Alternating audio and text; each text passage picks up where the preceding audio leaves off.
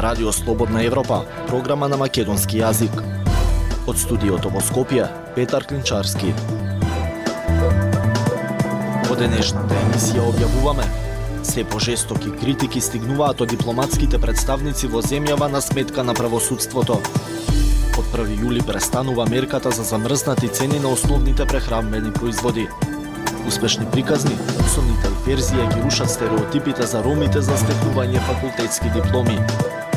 Председателот на Бугарскиот совет за медиуми ги спореди убиствата во Буча со антируска пропаганда. Слушајте не.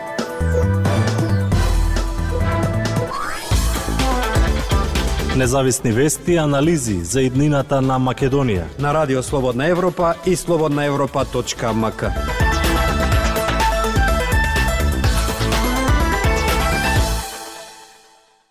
Критиките на дипломатските представници во земјава за нефункционирањето на правната држава не стивнуваат. Последна во низата доаѓа од австрискиот амбасадор во земјава, кој јавно побара смена на суди и обвинители поврзани со одолговлекување на судски случај. За поранешниот врховен судија Дане Илиев, состојбата е алармантна и потребни се итни мерки. Анализата ја подготви Марија Тумановска. Најновиот повик на австрискиот амбасадор во земјава Ѓорг Вуцас, кој побара да се сменат суди и обвинители и да одговараат нотари и извршители во земјава, оти го одолговлекувале процесот на наплата на долг што македонска фирма го има кон австриска фирма, е уште едно од низата критики кои меѓународните представници отворено и без дипломатски ракавици ги упатуваат до надлежните институции. Амбасадорот преку допис до медиумите упати жестоки критики до македонското правосудство, барајќи да се разрешат сите суди и јавни обвинители, но и да им се укинат лиценците на извршителите и нотарите кои постапувале во спор што се води меѓу австриска компанија и валандовска фирма за производство на корнишони поврзана со семејството на поранишниот премиер Зоран Заев. Председателот Стево Пендаровски, коментирајќи го случајот, истакна дека не се работи за мешање во внатрешни работи, туку легитимна обврска на секој амбасадор да ги штити интересите и на приватните бизниси на граѓаните од неговата држава, а не само на државните институции. Вчера поранишниот премиер Зоран Заев пак порача дека ќе го тужи австрискиот амбасадор ако уште еднаш го спомене неговото име во негативна конотација. Критиките на Вуца за нефункционирањето на системот следуваат од како со иста таква реторика зборуваа и други дипломати во земјава. Најпрво американската амбасадорка Ангела Агелер испрати писмо со загриженост поради состојбите во судството, а подоцна и холандскиот амбасадор Дирк Јан Коп во интервју за нашето радио го оцени како нелегитимно функционирањето на судскиот совет. Кога меѓународната јавност ќе почне отворено и преку медиуми да бара правда и да укажува на нефункционалноста на цел еден систем, тоа значи дека сме доведени во очајна ситуација, анализира поранишниот врховен судија Дане Илиев. По покажува дека неминовно е некоја промена, некоја реформа да се направи во судскиот систем во смисла на организацијски и одговорност на сите суди кои се во системот вклучени. Не може да функционира судство со таква критика и со такво неажурно постапување по соодветни предмети. Вели судијата. Понизата скандали поврзани со судскиот совет, министерот за правда Кринар Лога, невладини организации и правни експерти побараа оставки од сите членови на највисокото тело во судската власт, како и формирање на нов состав и иницирање на законски измени кои ќе го унапредат работењето на тоа тело. До сега само двајца суди од судскиот совет поднесоа оставки од функцијата.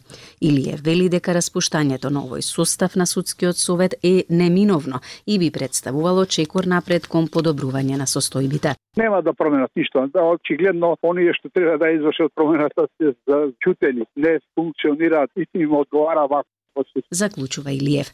Последната анкета на Националниот демократски институт и Институтот за демократија покажа дека судството и обвинителството имаат доверба од само 2,7 Слободна Европа. Следете на на Facebook, Twitter и YouTube.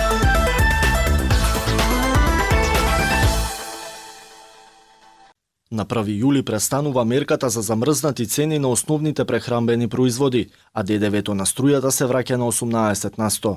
Граѓаните стравуваат од нов ценовен шок, а владата не најавува нови мерки за сега. Доколку викендов се упатите да пазарувате во маркет, рафтовите на кои се наоѓаат лебот, оризот, зејтинот, макароните, млекото и млечните производи, може да ве дочекаат и со поинакви цени. Причина за тоа е одмрзнувањето на маржата на основните прехрамбени производи, кои предходно со одлука на влада се продолжи до 30 јуни. Ова е датумот и кога официјално државата повеќе нема да ги контролира цените и ги остава во рацете на трговците. Одмрзнувањето доаѓа во услови кога во светски рамки веќе една година цените на храната се намалуваат, додека во Северна Македонија ниту ограничените маржи не успеаја да го зауздаат поскапувањето. Месецот што престои ќе покаже какви ќе бидат цените на прехрамбените производи во продавниците и дали повторно ќе се случуваат злоупотреби од трговците, ставајки на билдани маржи на производите. Од Организацијата за заштита на потрошувачи не очекуваат нивен драстичен скок, иако од друга страна не очекуваат ниту дека цените ќе паднат.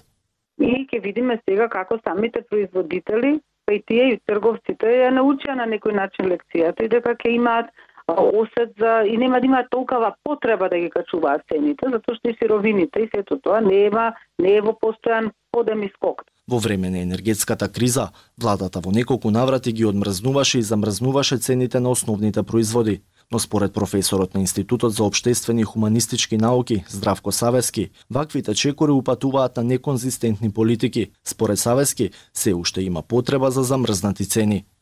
Има се уште потреба од од замрзување на цените или на некоја поблага мерка, бидејќи во моментот а, инфлацијата во однос на цените на храната е дупло поголема од општата инфлација. Ставот на Савески е дека и замрзнувањето на цените представува краткорочно решение доколку не се преземат долгорочни мерки за поголемо домашно производство. Сепак, според него, постојат и фактори кои одат во насока и за зголемување, но и за намалување на цените. Ако се зголеми цената на струјата, тоа автоматски ќе изголеми производствените трошоци. Но, од друга страна, и е, светските цени на храната се намалуваат и второ, вообичаено, цените на храната се намалуваат во летните периоди. Од Министерството за економија велат дека домашните цени се стабилизираат како резултат на стабилизирање на цените на меѓународниот пазар, а и струјата поевтини. Долгорочна примена на трговски маржи во услови кога не постои неизвестност на перманентен раст на берзанските цени може да доведе до спротивен ефект на пазарните услови поради наметнување на државна контрола на цените и намалување на конкурентноста кога не се објективни причините за тоа. Министерството остава на производителите и трговците да покажат обштествена одговорност откако ќе заврши мерката, велат од Министерството. Дайте ни 15 минути и ние ќе ви го дадеме светот. Слободна Европа.мк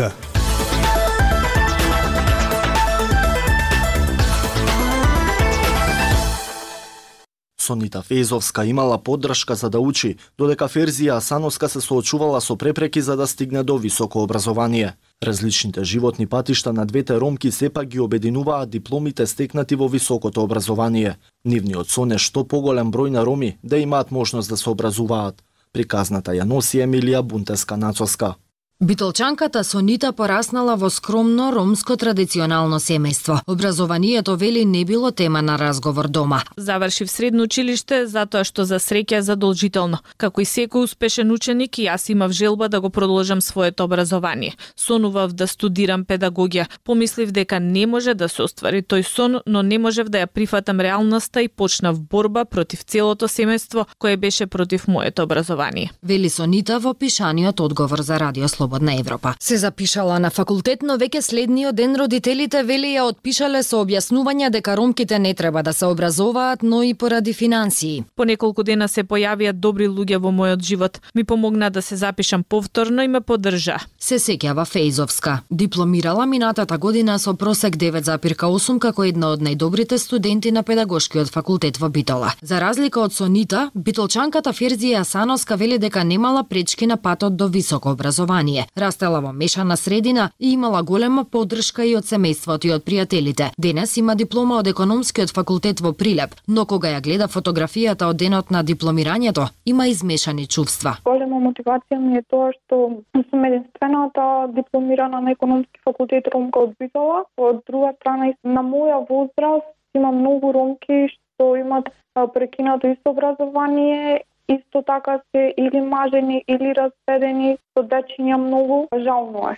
Вели 25 годишната Асаноска. Таа е една од само 10 дипломирани ромки во 2021 година во земјава, кога високо образование завршиле вкупно 33 студенти роми, според податоците од Државниот завод за статистика. Ферзија сака да помогне овие бројки да пораснат, организира работилници и обуки, но често е и на терен, како една од трите ромски образовни медиатори во Битола, ангажирани преку Министерството за образование и наука. На ромите во Битола им помагаат околу документи и систематски прегледи за упис на првачиња, советуваат родители, наоѓаат отпишани ученици и ги враќаат во училиште. Своето знаење и искуство од обуките со кои се надградува и од работата на терен, Ферзија е решена да го пренесува дома. Сонита пак сака да биде инспирација со својата борба, но не ја гледа и днината во земјава, иако на почетокот било така. Се разочарала кога најавен оглас за вработување на негувателка, како што вели однапред се знаело кои ќе бидат вработени. И двете сонуваат за заедница со што поголем број образовани роми имаат мастер студии во план.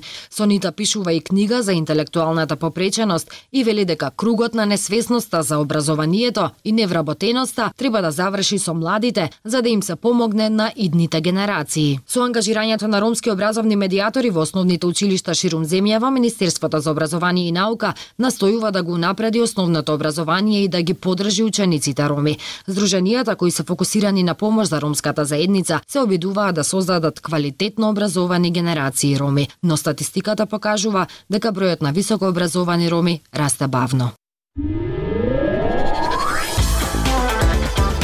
Бидете наш гостин и посетете ја.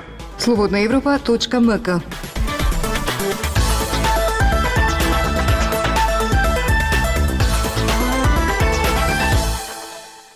Председателката на Бугарскиот совет за медиуми, назначена од прорускиот председател на државата, ги нарече злосторствата на руските сили во Украина антируска пропаганда, предизвикувајќи жестоки реакции во бугарската и меѓународната јавност. Критичарите го обвинуваат високото регулаторно тело за медиуми во Бугарија дека подпаднало под хибридната војна на Кремљ, откако Сонја Момчилова, преседателка на Советот за електронски медиуми во Бугарија, ги спорети доказите на Обединети нации за руските злосторства во Украина со пропагандата против Путин. Повеќе од 1400 тела беа откриени во предградија на главниот град на Украина, откако руските трупи се повлекоа од Буча по 26-дневната окупација во март минатата година.